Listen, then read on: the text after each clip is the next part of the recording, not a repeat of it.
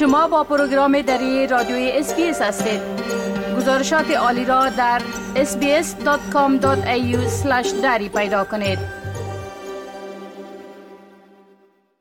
استرالیایی ها خوشبخت هستند که بخش های تعلیمی مختلف دارند و می توانند بهترین بخش مناسب برای فرزندان و شرایط آنها را انتخاب کنند. در صورت موجودیت مکاتب بسیار خوب در بخش های دولتی، خصوصی و مذهبی، انتخاب مکتب درست می تواند تصمیم مشکل برای والدین باشد. والدین فرصت های آموزشی عالی را برای فرزندان خود می خواهند اما عوامل مانند مصرف، فرهنگ یا مذهب مکتب می تواند انتخاب آن را دشوار بسازد. سیستم مکاتب استرالیا به سه بخش تقسیم می شود. دولتی یا ایالتی، کاتولیک و مستقل یا خصوصی. دکتر سالی لارسن استاد آموزش در پوهنتون نیو انگلند است. او توضیح می دهد که بخش های مختلف چگونه اداره می شود. They're all governed by the same bodies in each state. So they all present the same curriculum to students, and teachers are all accredited using the same accreditation processes. The difference is that some of the sectors ask parents to contribute money towards the education of their children. دکتر لارسن میگوید به خاطر ساختارهای مختلف هزینه و مصارف بسیاری از خانواده ها مکاتب دولتی محلی را انتخاب می کنند. چون مصرف مکاتب خصوصی عموما در حد وس و توان نمی باشد. The government school sector is essentially free. Sometimes you are asked to pay a small contribution, less than $100 or so, towards school resourcing. The Catholic school sector does ask parents to pay a fee, but generally these fees are quite small, so they're around about $5,000 per year. In the independent school sector, however, you can pay anywhere up to $30,000 or more per year for students to attend those schools. مکاتب بسیار خوب در هر سه بخش وجود دارند چون آنها توسط مقررات دولتی یکسان اداره می شوند. پس والدین هنگام انتخاب مکتب با چی ملاحظات مقابل می شوند؟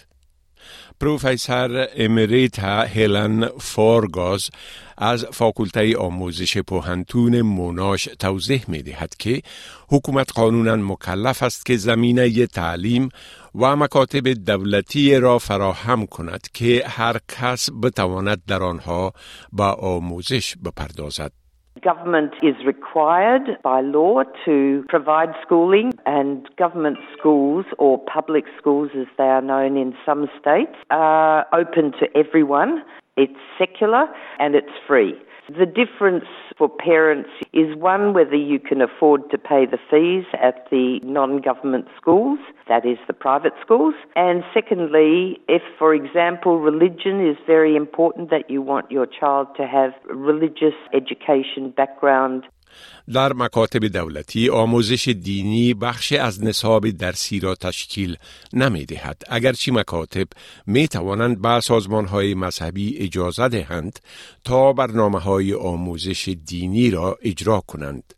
مکاتب کاتولیک آموزش مبتنی بر مذهب را فراهم می کند و برای خانواده های غیر مذهبی هم باز هستند.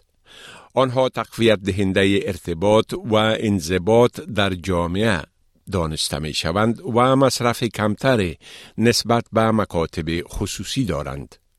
دکتر لارسن اختار می دهد که نه تنها مصارف مکاتب خصوصی ممکن بالا باشد بلکه مخارج پنهان هم ممکن شما را غافلگیر کند. You do need to be aware that there are additional costs like compulsory extracurricular activities, the uniform, which can be very expensive, compulsory purchase of technology. Some state schools are going down that same path that there's compulsory purchase technology, but state schools will provide better subsidies for parents who are not in a position to purchase technological items for their children.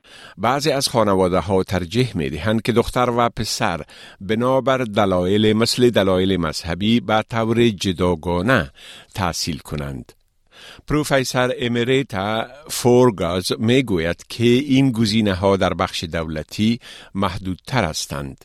The majority of schools in Australia are co-educational, that is boys and girls are educated together, but there are single gender options, mainly within the Catholic and the independent school sectors. Some states don't have any single sex government schools, but New South Wales is the real exception. They've got well over 30 government schools that are single sex, but some states have none, and Victoria has only one boys' school but about five or six girls' schools. Some are select در حالی که مزایای مکاتب تک جنسیتی بحث برانگیز است و نتایج تحصیلی ممکن تفاوت قابل ملاحظه نداشته باشد از نظر اجتماعی بعضی از اطفال در محیط تک جنسیتی راحت تر هستند دکتر لارسن میگوید اکثر اطفال استرالیایی در بخش دولتی تحصیل می کنند.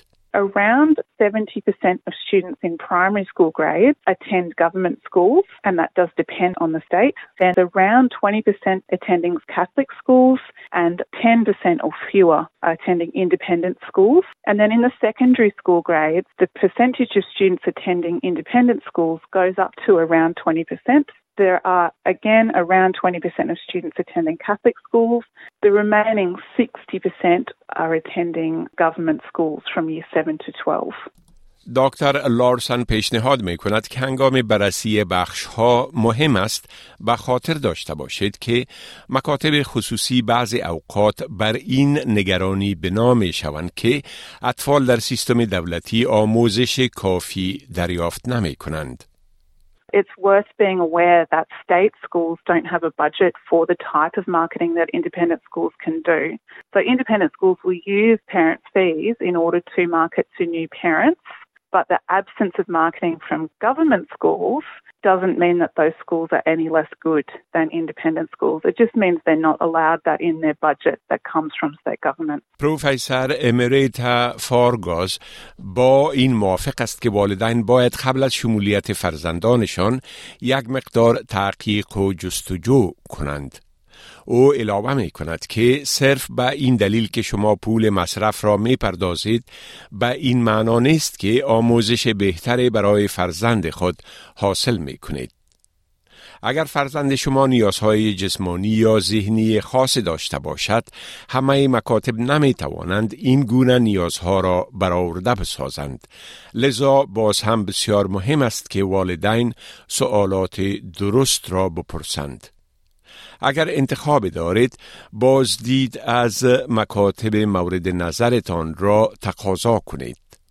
برای جکب و ربیکا منری یک بازدید از مکتب تصمیم را که برای دخترشان گرفتند کاملا تغییر داد. We were lucky enough to have a few good, reputable schools in our area, uh, which is not the case for everybody, especially being outside of the metropolitan boundary. آنها تصمیم گرفتند که کار لازم خود را انجام دهند و در مورد گزینه های خود تحقیق نمایند حتی گرچه تصمیمشان را گرفته بودند. We'd agreed already that we were really happy to send her to whatever local government school we would fall into the catchment of. But we decided to go and do a tour of a local independent school. We met the principal and vice principal, and we were really satisfied with their philosophy, uh, and we felt like it was going to be a really good fit for us. So, actually, then and there, we decided to change our mind, and we ended up going with this uh, local independent school. پروفسور امریتا فارگز می‌گوید که فرزند شما باید خوش باشد. به یاد داشته باشید که شما می توانید در هر مرحله نظر خود را تغییر بدهید. در حقیقت انتقال بین بخش های مکاتب در ابتدای مکتب ثانوی معمول است. If you find that you've made the wrong choice initially, then rethink it. Meeting educational needs is the number one thing that should be on parents' minds. If your child is not thriving at any time through their schooling, then reassess would it be the right thing to do for them both socially as well as educationally to change schools? وقتی گزینه های تعلیمی را از نظر می گذرانید به خاطر پیشنهادات و مقایسه ها از مراجعه به منابع مانند Good Schools Guide یا راهنمای مکاتب خوب با وبسایت My School یا مکتب من شروع کنید. بپسندید شریک سازید و نظر دهید SBS دری را در فیسبوک تعقیب کنید